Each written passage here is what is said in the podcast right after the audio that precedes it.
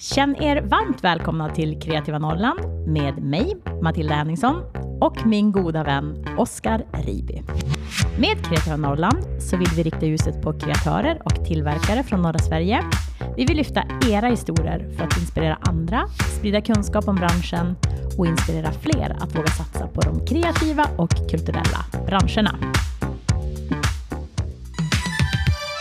Idag har vi veckans poddgäst med oss på distans eh, och således ännu en ny erfarenhet för Kreativa Norrland.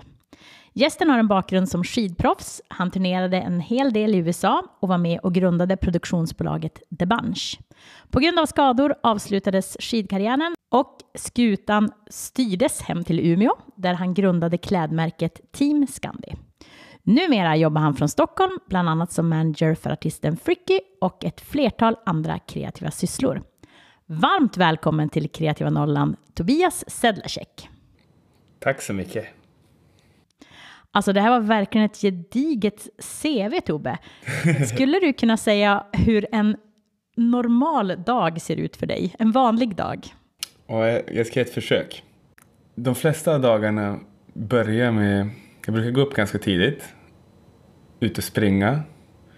Eh, lyssna på musik eller en podd eller ljudbok och det är ofta den timmen eller en och en halv eller hur länge det blir, är ofta liksom min start på dagen där jag liksom bygger upp energin för att ta mig igenom.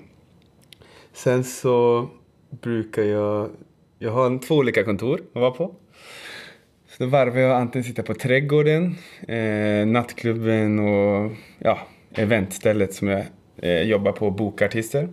Så antingen sitter jag där eller på Guldfabriken som är en riktig kreativ norrländsk hubb här i Stockholm som har blivit här under de senaste åren. Och därifrån jobbar jag bland annat med Fricky, han har sin studio, men The Bunch har också sitt kontor där. Så jag skulle vilja säga att Guldfabriken är liksom min hubb, var där jag sitter. Eh, och så varvar jag dagarna beroende på vad vi har, eller vad jag har på agendan. Det är väldigt, väldigt varierande. Ibland har vi liksom produktionen med The Bunch för reklam eller vi kan vara iväg och filma det eller så bokat artister till trädgården så är fokus där eller så släpper vi en låt eller kläder med eh, Fricky eller kläder med Team Scandi. Så det är väldigt, det är väldigt varierande dagar. Det låter ju inte som ett eh, 8-5 jobb, helt klart. Men, men jag måste säga att den här starten låter ju helt magiskt fin. Ja, det har blivit en höjdpunkt på dagarna. Du Tobbe, du berättar att ni jobbar från Guldfabriken där nere i eh, Stockholm. Kan du inte berätta lite om det stället? Ja, det är... Eh, det urspr alltså, ursprunget är tre bröder. Nils, Tage och Toft, Hervén Vikander från eh, Umeå som startade det här stället egentligen med ursprungstanken typ att renovera Frickys, en, en husvagn åt Fricky, eller Erik som han heter. Eh, och därefter var det som att de byggde en fotostudio och sen började de få lite kunder som ville ha eh, reklam, alltså bygga rekvisita till reklam och eh, så på den vägen bara utvecklades så ganska snabbt så var det igång liksom, fotostudio, reklamgrejer, de renoverar bilar åt kända artister. Det är verkligen, det är hur brett som helst. Och eh, senast, sen jag flyttade ner så har jag utgått främst därifrån. Och Guldfabriken har fortsatt växt och liksom dragit sig in, tagit sig an olika, ska man säga, fler aktörer som har bidragit till vad Guldfabriken är idag. Och nu sen, eh, vi hade faktiskt premiär för nya Guldfabriken i helgen, så nu har vi flyttat till en jättestor lokal, nästan 900 kvadrat, slakthusområdet. Eh, där, ja, The Bunch då har sitt kontor, som var mitt produktionsbolag. Och där Fricky har sin musikstudio. Eh, och där det finns flera olika kreatörer. Men många med väldigt stark koppling till Norrland. Jag skulle säga att 80% som sitter där är från Norrland. Och, så det är väl kort och gott det. Det är en väldigt kreativ hubb i, mitt i Stockholm som dras in. Man vet aldrig vad som händer när vi är där. Först en dag när jag var där då satt Leif GW Persson, han spelar in sina reklamer där. Någon gång så kommer dit så är Vogue och fotograferingar där. Och ibland så är det, alltså det är verkligen allt möjligt. Och det har blivit en väldigt fin synergi nu. Så vi gjorde vår första produktion i, eh, med The Bunch, då mitt produktionsbolag, gjorde första produktionen inhouse. Och det är liksom en liten vision vi har här, att vi liksom tillsammans med de här killarna ska liksom kunna sköta hela liksom produktioner lite 360. Att någon kund kan komma och vi kan bygga i huset kan vi bygga scendekor. Vi har massa duktiga målare så vi kan måla scendekor och vi har kostymärer. Och sen vi som produktionsbolag och kreativt som bolag kan liksom, ska kunna sköta liksom en hel grej. Det låter ju superbra. Jag tänkte ett tag säga att det är både högt och lågt, men då tänkte jag att det kanske är nedvärderande mot antingen GV eller Vogue när du tog det exemplet. Nej, det är ganska otroligt. Men man kan säga det. Man kan säga att det är högt och lågt. Det är en så stor lyx med att ha det här istället också att vi liksom har utrymme för att göra... Många av oss har liksom olika hjärteprojekt som man liksom kanske inte, där kanske inte budget finns i alla lägen men man, det är inte som att vi alla inom The Bunch, vi är väldigt konstnärligt lagda också. Så man gör vissa reklamgrejer där det finns mer budget och så gör man vissa grejer där det inte kanske finns pengar. Men man, vill, man tror på idén och man vill stötta det och du har tillgång till det här huset. Till den här fantastiska fotostudion och ja, det är väldigt, det är väldigt kul och det är liksom främjar någon form av kreativitet för oss alla tror jag. Jag tycker vi kallar det högt och högt. Högt och högt. Det gillar jag. Du berättade också Tobbe att du jobbar med att boka artister till eh, Trädgården. Mm. Vad är den coolaste artisten som du antingen har bokat eller jobbat med? Okej, okay, i år har jag bokat en kille som heter Slowtie. Det tog mig ungefär 100, 110 e-mail för att få till det. Och han är en otroligt stor engelsk artist, alltså väldigt interna internationellt stor artist. Han är alldeles för stor för oss egentligen. Eh, och vi eh, jobbade hårt och jag trodde inte det skulle gå i vägen. Så det ser jag fram emot. Det är 24 maj nu. Eh, så det ska bli jättekul. Och sen har jag även mycket andra favoritband. Unknown Mortal Orchestra. Som I år har vi liksom, jag har fått lite mer självförtroende i år på att liksom boka, boka lite mer internationellt. Lite sånt som, eh, lite smalare men till en större publik liksom. Eller man ska säga smalt internationellt som har liksom, de har kanske inte hela, de kanske inte spelas på radion i Sverige men de har en stor fanbase ändå här. Men där man måste gå lite djupare för att hitta. Så det känns väldigt kul. Coolt. Du Tobbe, vi brukar köra en faktaruta så här i inledande delen av podden så vi kör den även med dig. Fullständigt namn? Tobias Karl-Erik Sedlacek. Ålder? Höll jag på att säga. 29, jag höll på att säga 28. Jag fyllde 29 i eh, måndags. Fem veckor sedan. Gratulerar. Tack. Hur skulle din bästa vän beskriva dig? Eh, glad. Omtänksam. Driven tror jag. Var är hemma? Hemma är i lägenheten jag sitter i nu. Det har blivit hemma. Vi flyttade ner till Stockholm, jag och min flickvän Emma för Eh, inte så länge sedan. Och så hyrde vi en lägenhet ett tag. Och så köpte vi den här lägenheten nu i, och flyttade in i december. Och här är verkligen hemma för oss. Hornstull. Vad är kreativitet för dig? En sån, jag brukar tänka på det ibland. Det har blivit en sån eh, given del av varje dag nu. Att det är som att kreativitet bara, alltså, Vanligtvis finns den bara där och när den inte finns där då är det en väldig stress för mig. Men vanligtvis så är den liksom det har blivit, tror jag, min form av typ kall i livet. Att få leva kreativt. Och jobba kreativt. Och jag kan ibland tänka tillbaka till det. Jag jobbade länge i frysen, på ett fryslager i Umeå. För att kunna varva, att liksom göra kreativa, jobba med kreativitet. Men jag kunde inte tjäna pengar på det då. Eh, så jag kunde inte leva på det. Och jag kan tänka tillbaka på det ibland och känna mig så kännas faktiskt som att oh, jag har kommit ganska långt. Även om man känner att man inte har nått så långt på ett sätt så kan jag känna så här, ja men jag kommer ganska långt i att kunna. Det var länge sedan jag, jag längtade och drömde om att liksom vakna på måndag morgon och veta att nu har jag fem dagar jobb av, i, i kreativa former på olika sätt. Det är jag väldigt tacksam att vara nu. Oh, vilken fin beskrivning. Så Tobias, vi presenterar ju att du är med och driver två stycken eh, bolag, The Bunch och eh, Team Scandi. Och vi tänkte prata lite om båda två, men vilket skulle du vilja börja med? Ja, men jag tror, för att börja i kronologisk ordning, så tror jag The Bunch är en bättre start. Då börjar vi där. Vad är The Bunch för företag då?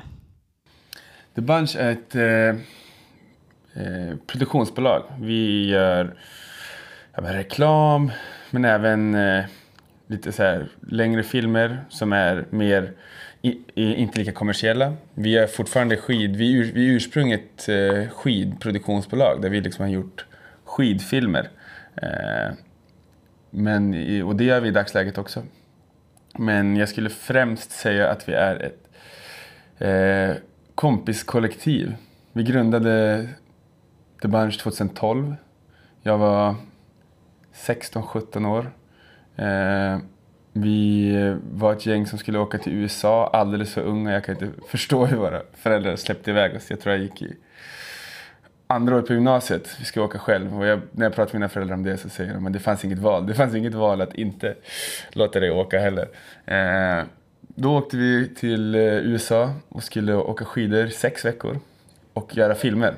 Eh, och då startade vi det här The Bunch som var liksom samlingsnamnet på våra, vårt skidgäng. Lite som Random Bastards var, är i Umeå på ett liknande sätt. Sen har det växt därifrån och nu vi gör stor, ganska stora reklamkampanjer nu. Senast, senaste tiden har vi gjort för ja, men, Buff, sådana här nackvärmare, deras två globala kampanjer för dem. Här i veckan gjorde vi en stor lanseringskampanj för ett teknikstartup, norskt märke Nomono och vi eh, Haglöfs, Peak, mycket outdoor. Men även när vi börjar få liksom mer studiegrejer eh, och lite blandat. Sen har vi även gjort dokument, vi gjorde en dokumentär som släpptes, eller lanserades förra året, den har fortfarande inte släppt, som har vunnit. Den vann Amsterdam International Film Festival, Best Documentary, den vann Stockholm International Film Festival, en jätte, som blev, ja, fick, har fått bra spridning. Så vi är liksom, vi är ett, kort och gott produktionsbolag som är ganska breda i vad vi... Vi är varken bara ett reklambolag skulle jag säga och vi är inte heller ett där vi bara gör film. Eh, Eh, vi är som ett blandat, ett kompisgäng som har hängt ihop länge som nu gör massa olika roliga mediagrejer. Riktigt, riktigt mäktigt. Va, hur många utav originalcrewet är kvar? alla, alltså alla som driver bolaget nu är originalcrew om man ska säga så. Nej. Är, ja, det är jättekul. Vi har liksom ingen extern utan vi är ett, vi är, nu är vi sex personer som driver det och alla vi har varit med sen början. Sen USA-resan? Ja. Vi alla, åkte, alla lärde känna varandra som unga och vi liksom vi startade genom att vi typ när vi filmade, skulle göra de här filmerna så skickade vi runt kameran så man turades om att filma. Och det var så folk blev duktiga på att filma och man fick klippa sina egna delar. Så att vi har liksom, alla har kunskap inom film, klippning, fotografi. Vi gjorde liksom allt själva. Vi var lite av en, liksom, i skidbranschen, The Bunch blev väldigt, blev väldigt stort, ganska alltså snabbt. Så att för när jag var 18 var The Bunch väldigt stort, främst i USA. Så vi bodde ju där liksom under vintrarna eh, och gjorde våra filmer. Och sen med, med, tiden som har gått så har det liksom växt att ja, men, någon har tagit mer fokus på film, någon har tagit mer fokus på klippa och någon har börjat ta lite mer regi. Eh, jag har börjat känna att ja, jag är duktig på att dra ihop grejer, få saker att hända, ha kontakt med folk. Så jag producerar bara grejer. Så vi har som, det ganska naturligt har liksom fallit på plats. Men det är bara originalcrewet som är fortfarande med. Främt. Hörru du, eh, precis som du sa, 2022 så släppte ni ju skidfilmen Many Fantasies Later. Eh, va, och den har ju vunnit flertalet priser. Eh, va, vill du berätta lite grann om det projektet? Jag är egentligen inte rätt person att berätta om det projektet. Jag kan berätta kort och gott. Det är liksom, jag har inte, just i de här skidprojekten är jag inte lika delaktig. Utan då har vi liksom några personer som fortfarande är mer inriktade på skidåkning som gör dem. Men det är en extremsportsfilm från eh, filmad förra säsongen, producerad av Magnus Granér, kille som också är från Umeå. Eh, en av världens bästa skidåkare. Och han eh, är också en av eh, men, mina genom livet närmsta vänner och han eh, eh producerade, hade den här idén om att skapa den här filmen tillsammans med, främst tillsammans med en kille som heter Alex Hackel.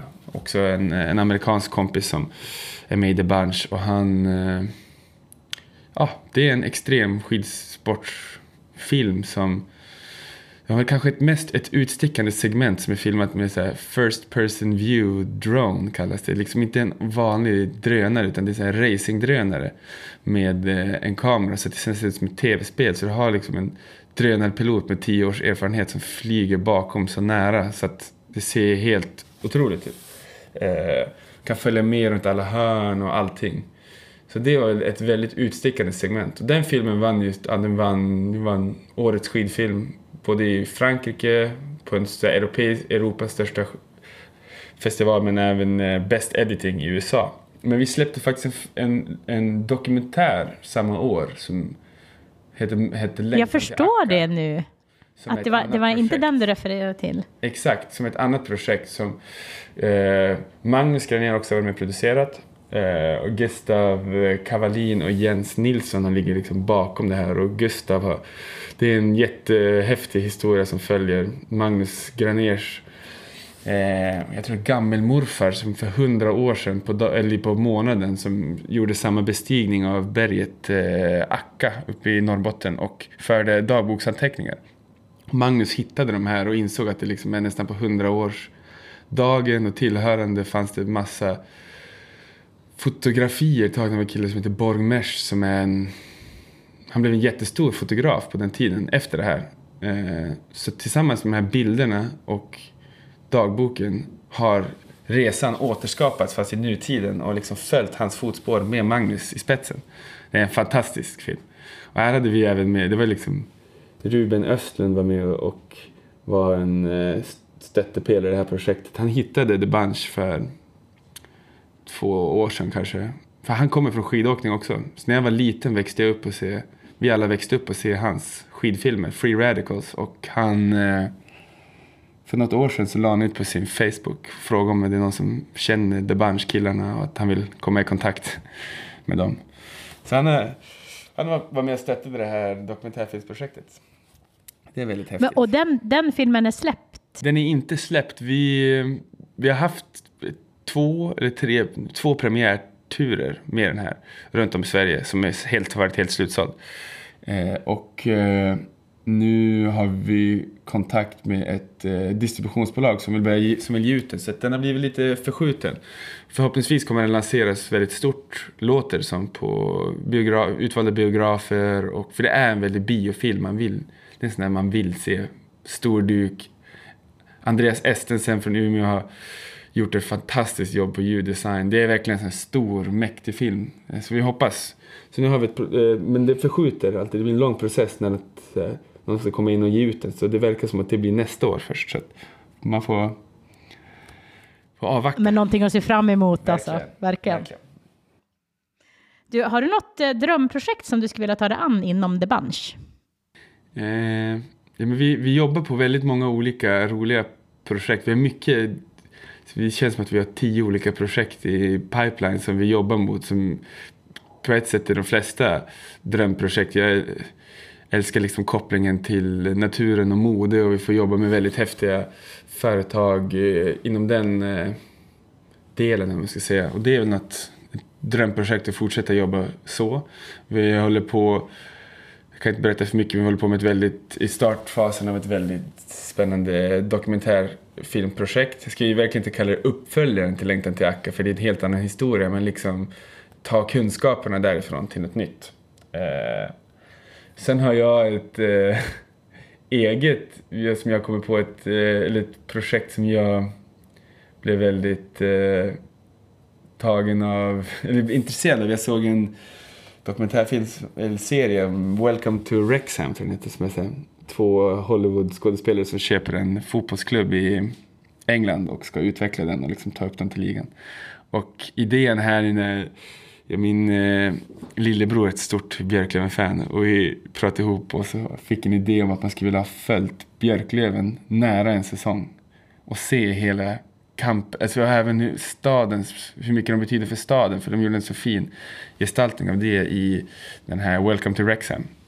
Så det är ett projekt som vi har alltså, nyss börjat tänka på, men som skulle vara jätteroligt att göra, liksom visa, vet, när det går Umeå, det finns ju väldigt mycket supporters men det var roligt att följa hela, hela vägen för det blir en sån, när det väl går bra för dem i slutspelet, när hela stan börjar koka, är jättehäftigt. Och det skulle vara kul att ja, men, vet, följa hela vägen från försäsong, hur de tänker och liksom lite Björklöven-profiler som är viktiga och så. så. det är ett roligt projekt vi har i väldigt grov skiss bara. Så, så du är ett, ett av få Björklöven-fans som är glada att de inte går upp i år? Jag skulle inte säga glad, men jag sa så här till när vi pratade om det. Så sa att det går inte att göra om de går upp. så jag Exakt. sa så här, om, om jag sa om de inte går upp så får vi tröstas med det. Och nu, så nu, vi pratade om det senast igår här, jag och min brorsa om det och hur man, eh, hur man skulle klura på det. Så det är väl något ni skulle nästan ha varit med i besvikelsen i, i sista matchen. Ja, där. ja vi, satt, vi satt här och hemma och var besvikna. Men det hade varit ett fint ställe att börja på, absolut. För det finns lite material hoppas jag, om, om det skulle bli av så man kan Hoppas jag med. Mm. Du nämner ju här när du pratade om The Bunch som att du tycker det är kul att jobba med mode också. Och jag tänker att vi kanske ska ta oss in på ditt andra företag med Team Scandi. Mm. Absolut. Vad är, vad är det här för företag? Ja, det är ett som säga, sportmode klädmärke som jag grundade i samma veva som jag skadade mig och kunde inte åka skidor längre. Och flyttade då hem till Umeå. Och kände att jag hade ett behov av att fortsatt uttrycka mig på något sätt. För tanken var först att skapa ett skidmärke. Eh, och sen med olika om och men så blev det inte så. Och då startade jag Team Scandi. Och sen har det, det tog fart ganska snabbt. Eh, det tog typ en månad så började det sprida sig och har växte, har alltid växt organiskt. Eh, och tog, hittade som sina vägar och eh, nu har jag, ja, så nu har det blivit liksom ett, det blev, ja det är så konstigt, det är konstigt för jag satt ju bara i Umeå och gjorde det här och det tog sig som till Stockholm ganska snabbt och hittade sig till mycket stora musiker, det tog liksom hade 200-300 följare på Instagram så skrev Moana som då var liksom min absolut största musikidol i, i Sverige. Efter liksom en månad typ och bara ville börja ha mina kläder. Och då, jag, det var knappt så jag tyckte det var ett klädmärke då, utan det var liksom... Jag hade sitt på lite patches på förköpta tröjor och satt hemma i min lilla etta och sydde på. Där vissa hamnade snett, men det blev ändå. Eh. Så det är ett klädmärke med lite så här. Tanken är lite att skapa ett enat uttryck för Skandinavien.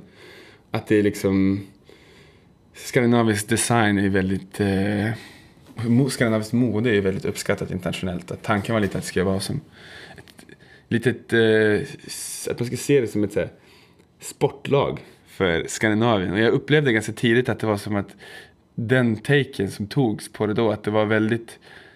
Vi har aldrig upplevt en konkurrent, om man ska säga så. Utan det blev mer som att folk inom, inom mode också svenska och andra liksom, skandinaviska aktörer. Vad som är att de knöt sig an till det istället. Liksom. Märken som jag tyckte var mycket större och mycket coolare. Men att de gillade liksom, jag tror att folk gillade den här känslan av att det var ett enat uttryck på något sätt. Att det var väldigt eh, öppet och tolkar. Jag vet inte riktigt vad det är folk har sett i det. Men...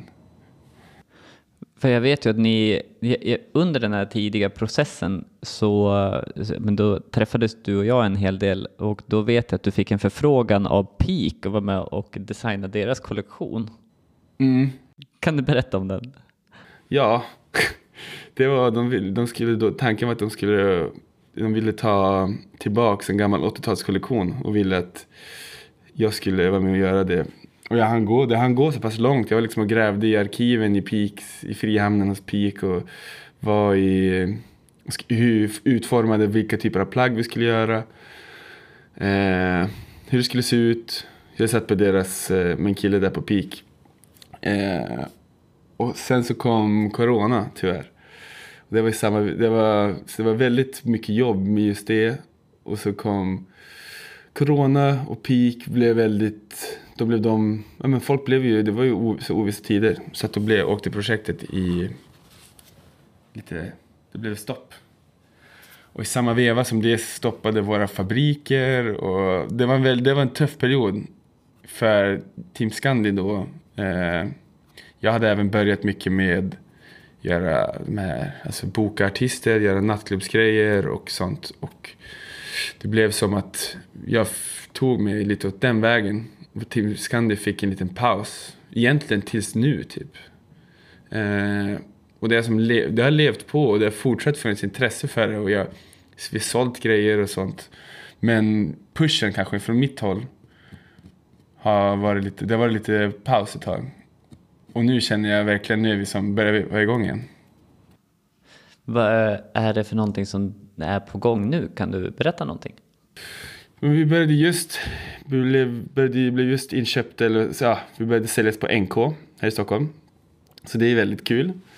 Eh, det kändes väldigt stort för oss att liksom hamna i det, att våra kläder, ja, att, att märket funkar där. Och det är roligt, de säljer, de säljer en del, alltså det har varit... Ja, det är konstigt. Jag vet inte. Folk gillar det. Och de tog in det. Mycket turister verkar gilla det. Ja, jag, vet inte. Det är, det är väldigt kul. Eh, det är en sån här lite konstig grej. Bara att det Varför tänker du att det är en konstig grej att det ska funka på NK? Jag vet inte. Eller alltså mer överlag att det är så här, Att det har funkat. Alltså att det har jag känner mig alltid så, när jag startade Team Scandi så kände jag mig så ett underläge att jag bodde i, i Umeå. Och det var en sån grej för mig, jag kände verkligen så här, det var, jag hade ett litet komplex med det, att det var så här, ah, fast jag kommer liksom, det kommer inte vara det här coola Stockholmsmärket, det kommer, vara, det kommer inte liksom vara riktigt det här, det kommer liksom folk, ja ah, det är lite så här Norrland, ah, vad kommer folk i? Ah. Och sen så var det som att, kom till ett läge att jag bara, men det istället för att tänka så mycket på vad andra har gjort så försökte jag liksom tänka på mig själv och vad jag gör och det spelade ingen roll. Jag satt i en källarlokal, jag på Teg. Med skickade kläder över hela världen. Liksom. Jag har kläder mycket. Alltså, Asien, alla, alla världskontinenter är liksom avbockade. Uh, men jag, och jag, jag hade ett komplex i det. Och jag kan nog tänka mig att jag fortfarande har det lite. Att jag känner så här, jag kommer inte från någon bakgrund kanske av att egentligen ha kunskap. Utan det är bara egenlärt och vad jag eh, själv tror på.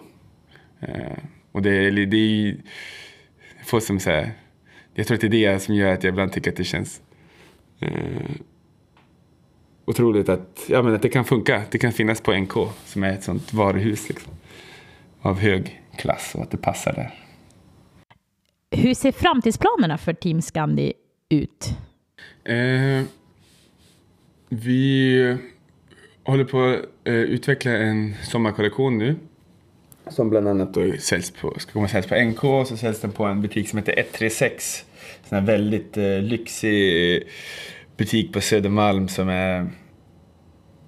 Ah, ja men de har sko, ja, jätteduktiga unga killar som har öppnat en av världens bästa eh, consignment store kallas det. De, har liksom, de tar inte in, de tar bara in väldigt få märken men mycket att de köper och säljer. Liksom. Ja.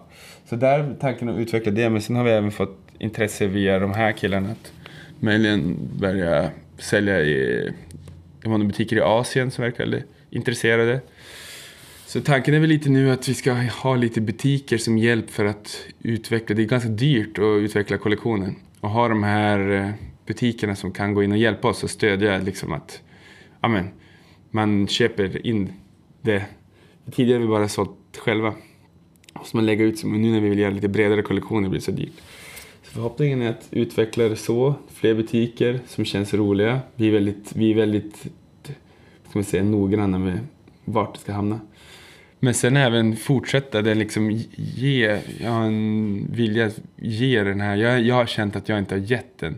Jag blev väldigt, jag tappade liksom energi till Team Scandi efter allt det här, när vår fabrik lade ner, det blev inte av det här stora samarbetet jobba på. Vi hade ett annat stort i samma veva som det här varit jätte, jättestort företag som snodde våran logga totalt.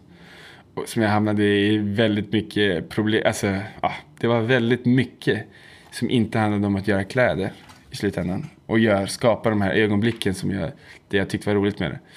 Så det är min förhoppning, att ha mer energi och i skapandet av allt och ta fram, fortsätta ta fram kläder som jag tycker om. Men även utvidga det här liksom, teamet av popkulturella ikoner som drar sig till märket som är så här, det har varit otroligt. Alltså det hamnar liksom, bara dyker upp på jättestora internationella artister ibland. Jag vet inte vad, senast i så, här, så mycket bättre nu i somras så ringde min pappa mig och bara Varför har Victor Lexell din keps? Jag har ingen aning. Jag vet inte varför han har den. Jag har inte sålt, jag vet inte hur han har fått tag i den. Han har köpt så han den? Hade den. Ja, han har köpt den. Jag har ingen aning vart han har köpt den. Eh, och vi var i London tillsammans med Erik Friman på ett jobb vi gjorde för Levi's. För en kampanj där och så var det stylisten där, älskade Team Scandi. Då gav jag han en keps. Dagen efter så är det en jättestor artist från London som har på sitt homecome-gig i London. På hans avslutar sin Europaturné i London, slutsålt. Och så står han med en hel keps. Jag bara, vad i hela? och liksom stora så här kanadensiska rappare som har på sig det. Liksom, de får betalt massa för att ha andra kläder och ha alla de här stora varumärkena. Men de väljer att ha det ändå.